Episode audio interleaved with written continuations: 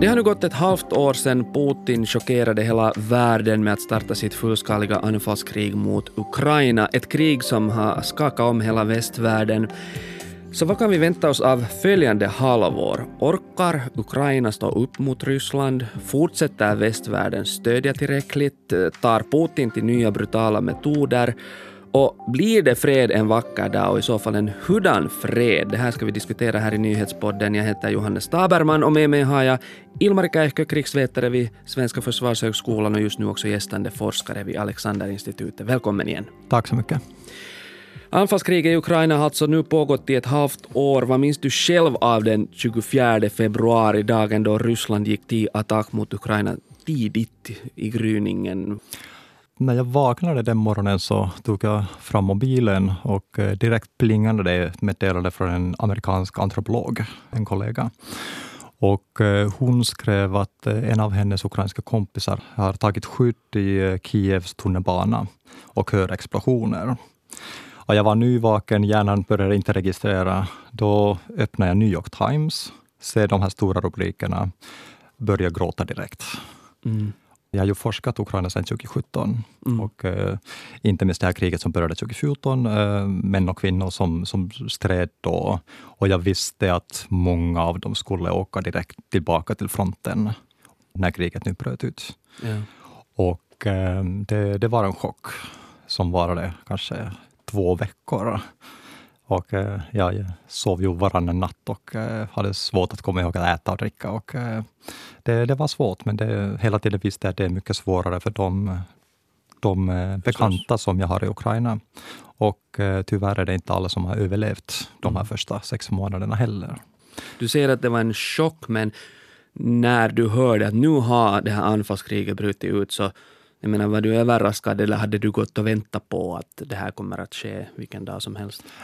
Jag hade ju diskussioner med mina kollegor och många som eh, tittade på inte på Ryssland utan Rysslands krigföring var övertygade att Ryssland kommer att, kommer att anfalla. Mm. Kanske Rysslands kännare var mer tveksamma. Många av dem i alla fall, inte alla. Eh, när det gällde strateger så var de flesta övertygade att Ryssland kommer inte anfalla eftersom det är så himla dumt. Ja. Jag själv minns eh, dagen före invasionen, den 23 februari. Då hörde jag att eh, stridsvagnsbesättningar, alltså de ryska som, som mm. fanns på andra sidan av gränsen, de hade fått order att eh, sova på marken bredvid deras stridsvagnar. Aha. Då minns jag själv att jag började tänka att okej, okay, det här faktiskt kan hända. Det är februari, man kan inte sova utomhus bredvid sin stridsvagn i evighet. Då fick jag känslan, okej, okay, nu är det sannolikt att, att, att det här händer. Men tills dess var jag inte själv övertygad heller. Nej, jag minns att jag själv också in i det sista på något sätt hade svårt att tro att Putin skulle liksom våga förverkliga sitt hot just för att det kändes som ett så riskfyllt drag av Ryssland, vilket det ju också har visat sig vara. Men varför, vad skulle du säga, varför vaknar vi här i Finland och i resten av Europa så sent upp ändå trots alla varningar? Ja, och det är intressant att varningarna kom ju ja. från USA inte minst. Ja. Och där är det väl eh, några anledningar varför vi inte trodde på, på USA. Det första är ju Irakkriget, där eh, USA hade förfalskat underrättelse för att rättfärdiga det här kriget. En annan förklaring är ju Afghanistaninsatsen som slutade. USA hade återigen fel med sin underrättelse. Där hade dock Europa också fel. Vi, vi såg inte Afghanistan falla så fort som de säkerhetsstyrkorna gjorde där. Mm. Och det tredje är väl Trump och eh, de transatlantiska relationerna. Att tilliten fanns inte där riktigt. Eh, men USA hade ju rätt om, om anfallet. Det är också intressant att Ukraina trodde inte på, på, på de här uppgifterna heller att tydligen Zelensky eh, väcktes upp av sin familj när de började höra explosioner, vilket tyder på att mm. han inte trodde på de här uppgifterna heller. Men USA visste. Eh, samtidigt hade de också fel när det gäller underrättelsen eftersom de eh, överskattade den ryska militärförmågan. Eh, Ryssland i sin tur underskattade den ukrainska militärförmågan och den politiska situationen i landet. Och Europa missuppfattade allt i princip. No, Putin räknar just med att det här anfallskriget mot Ukraina skulle vara över på snarare en halv vecka och inte ett halvt år. Meningen var att man skulle snabbt inta huvudstaden Kiev och med sina elitstyrkor då ersätta Zelenskis regering med en mera en, en liksom kremtrogen regim. Och, och nu med facit på hand så vet vi att det var just en grov felbedömning kriget i Ukraina har alltså inte följt Putins manuskript på något vis, men, men har kriget liksom framskridit så som du som krigsvetare på något sätt kunde förvänta dig? Nej, egentligen inte eftersom Ryssland har inte krigat på det sättet som de har eh, övat tidigare. Så att eh, de hade väl en, en, eh, en uppfattning att, att ukrainare skulle inte göra något, något motstånd. Och många i väst trodde att den ukrainska militären skulle falla inom tre dygn, ja. så som Putin själv trodde. Och jag var själv osäker hur länge den ukrainska militären skulle hålla. Dock hade jag hela tiden en stark um, uh, eller jag trodde helt enkelt på att det ukrainska samhället skulle inte tillåta uh, Ryssland ta över. Men samtidigt uh, finns det analytiker som tror att det kan faktiskt ha varit rätt nära i början. Om man hade lyckats ta Zelensky under de första dagarna då hade kriget ha, ha kunnat gå på ett helt annat sätt. Eh, och jag tror att i framtiden, när vi, när vi skriver det här krigets historia, så vet vi, vet vi mycket mer. Ja. Men det är tydligt att, att uh, Rysslands uh, ursprungliga strategi byggde på felaktiga politiska bedömningar om Ukraina, om Ukrains samhälle, om Ukrainas politiska läge. Där låg det stora problemet. Sen alla de här militära problemen som följde är konsekvenser av den, den felaktiga politiska analysen. No, no, Ukraina som sagt eh, klarar av att stå upp mot Ryssland klart bättre än vad, vad någon hade förväntat sig. Men klarar Ukraina av ännu ett halvt år av krig? Det är en bra fråga och eh, det fanns några som drog paralleller med vinterkriget efter kriget började. Ja. Och jag tror att en av de största lärdomarna var att även om Stalin började kriget mot Finland eh, utifrån ett felaktig politisk analys. Han trodde inte heller att Finland skulle kunna mm. göra motstånd. Men så småningom fick militären, sovjetiska militären, Röda armén, fick mer kontroll över kriget och de lärde sig så småningom. Jag, från början har jag förväntat mig att, att det här skulle nog ske även i Ukraina och eh, den ryska militären har lärt sig. Samtidigt eh, har ju Ukraina lyckats försvara sin suveränitet, sin självständighet. Och det känns som att i dagsläget den är inte hotad. Men faktumet är att eh, Ryssland eh, ockuperar ändå en femtedel av, av Ukraina och det kommer bli svårt för Ukraina att få tillbaka det här området. Jo, idag firar faktiskt Ukraina också sin självständighetsdag, men det är ett skadat land på många vis. Uh, hur ser den humanitära situationen i Ukraina ut just nu? Ja, men den är fruktansvärd. Det finns många, många flyttningar in i landet. Det är många som har flytt landet. Och, eh, inte minst om man pratar om de människorna som har stannat kvar på de ockuperade områdena. Eh, de uppgifterna som vi har fått tyder på att Ryssland har inte förmågan, eller kanske inte ens viljan, att eh, ta hand om de, de där människorna. Men det ser svårt ut. Eh, kriget har ju förts nästan eh, bara i Ukraina, vilket betyder att eh, det är Ukraina som, som har blivit skadat, som du säger, och ukrainare som har blivit skadade. Och eh, till exempel den ukrainska ekonomin, enligt eh, vissa bedömningar, har backat med 40 procent. Och bara det har stor påverkan eh, och stor effekt på Ukrainas framtid helt enkelt. No, men, men, men när du har kontakt med de du känner i Ukraina, hur skulle du bedöma hur mår och orkar det ukrainska folket? Hur, hur är det med deras stridsmoral till exempel? Ja, men den retoriken som, som jag hör, den är hela tiden att uh, Ukraina och ukrainare har inget alternativ än att vinna det här kriget. Uh, om de förlorar så vet de att, eh, att uh, Ukraina kan upphöra att existera och ukrainare blir slavar. Det, det är uppfattningen i Ukraina.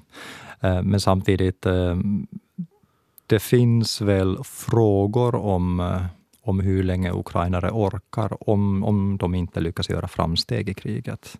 Och om det nu eh, blir mer stillastående i framtiden om Ryssland nu börjar etablera politisk kontroll, kanske annektera delar av Ukraina. Vad, vad händer sen? Hur länge orkar Ukraina? Hur länge orkar ukrainare om de inte riktigt kan se hur de kan vinna? Uh, hur länge tror du liksom Ukraina kommer att vara beroende av av västvärldens liksom både militära, just humanitära, ekonomiska, politiska stöd? Decennier. Decennier? Decennier. Eftersom först kommer kriget. De är helt beroende av, av utländskt stöd när det gäller krig. Ehm, bara på den materiella sidan. Ja. Eh, stridsviljan har de själva, men, men de saknar medel och med, medlen kommer allt mer utifrån.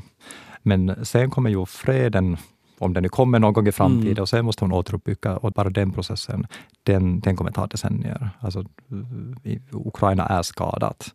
Och man måste ju återuppbygga infrastruktur, göra samhällsplanering på nytt, allt, allt möjligt och det kommer ta väldigt lång tid. Och eh, det, det är kanske vanskligt att nu tänka på att, eh, att vi stödjer Ukraina bara under kriget och sen slutar det. Utan det här är också en ett politiskt beslut som vi måste göra, att vi stödjer Ukraina under, under lång tid. Mm. Och nu pratar vi om någon slags eh, eh Marshallstöd till Ukraina i, i den storleken.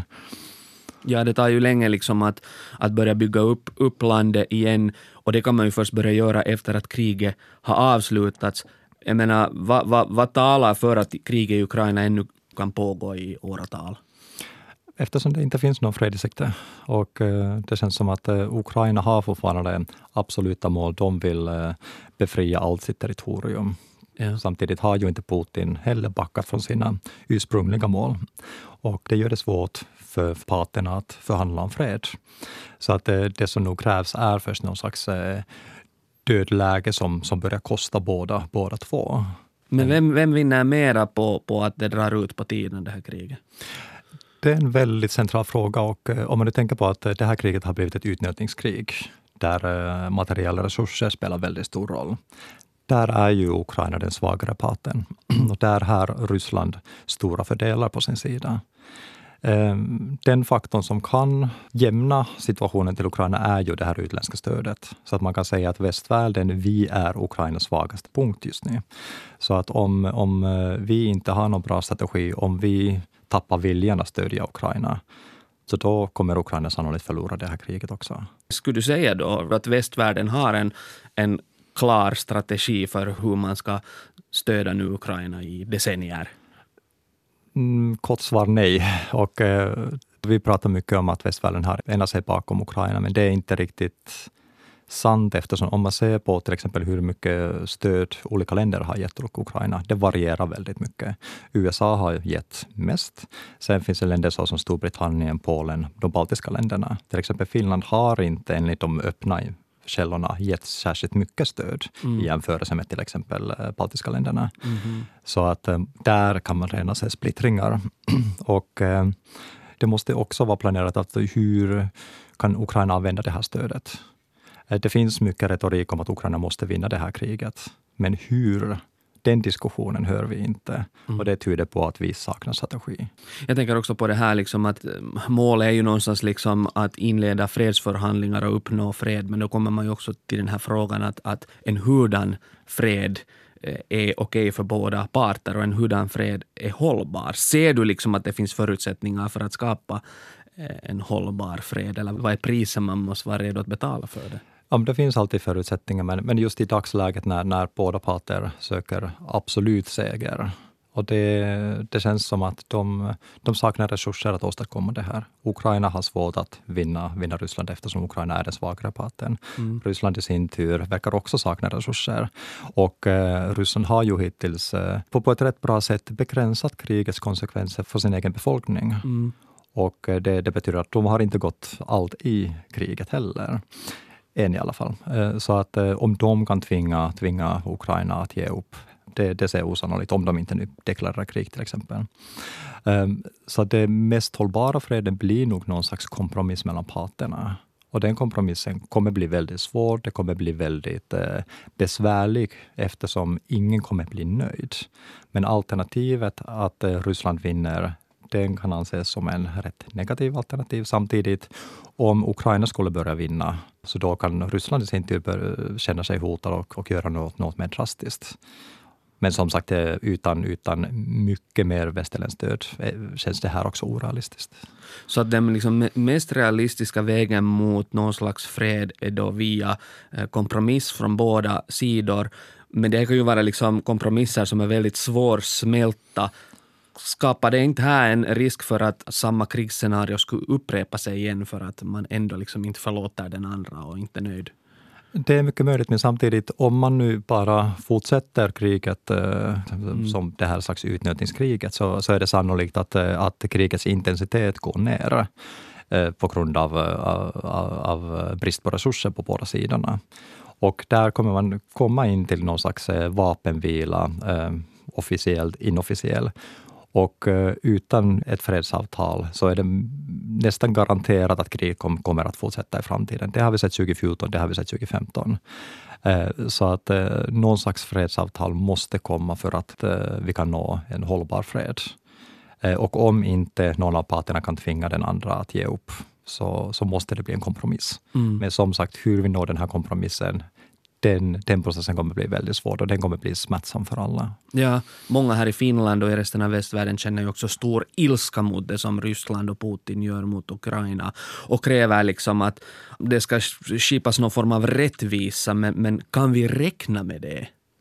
Nej, alltså det här är retorik och eh, utan handling får vi ingen rättvisa. Och då, då, eh, de handlingarna ser vi inte i dagsläget.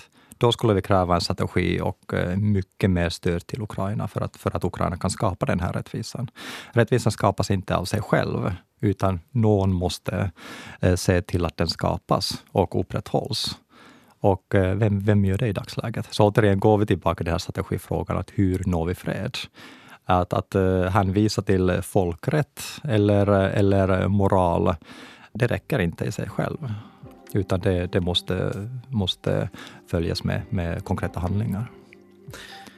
Tack än en gång Ilmari Käihkö för din analys av kriget i Ukraina och vad som nu väntar följande halvår. Du har lyssnat på nyhetspodden från Svenska Yle med mig Johannes Taberman, Ami Lassila är producent, Mike Grönroth skötte tekniken. Fortsätt lyssna på oss.